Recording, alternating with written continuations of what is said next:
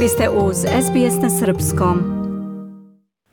Slobodane, kao psiholog, sa kakvim situacijama se u ovo vreme izolacije susrećete, odnosno koliko ovo vanredno stanje utiče na mentalno zdravlje ljudi?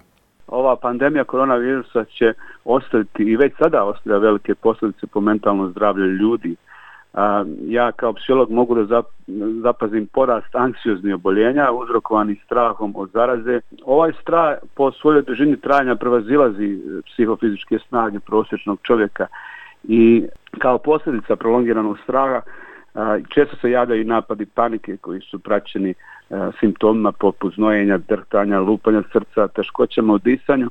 Ti, takvi simptomi su u svojoj suštini psihosomatski, što znači psiha uzrokuje fizičke simptome. Međutim, često su ljudi skloni da te simptome pogrešno protumače kao telesne bolesti, a e, imamo tu i pojavu koja je od jednog doktora do drugog i na kraju e, dođu i do psihologa.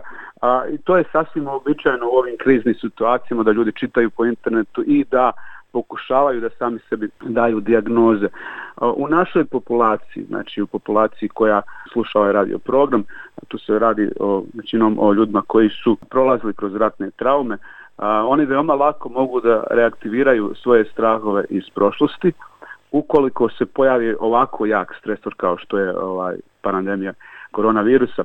Osobe koje su preživljavale velike traume, ratne traume, one obično žive u stalnom iščekivanju da ne dožive opet nešto slično, nešto strašno.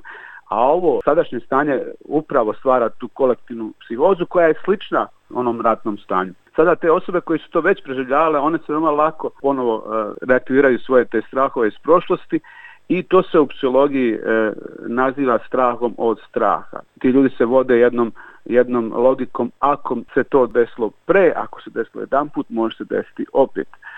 Konstantno iščekivanje da se nešto strašno desi može u potpunosti da blokira paraliziju ličnost i što vodi ka jednom depresivnom raspoloženju. Ovakve pojave se na vreme trebaju da tretiraju, e, one ako se ne tretiraju mogu duboko da se okorijene i kasnije se sve teže i teže otklanjaju. Dakle, ukoliko je anksioznost povišena i da ometa čovjeka u svakodnevnim aktivnostima, potrebno je potražiti pomoć psihologa. Mi sada trenutno psiholozi imamo mogućnost da radimo i e, online, znači preko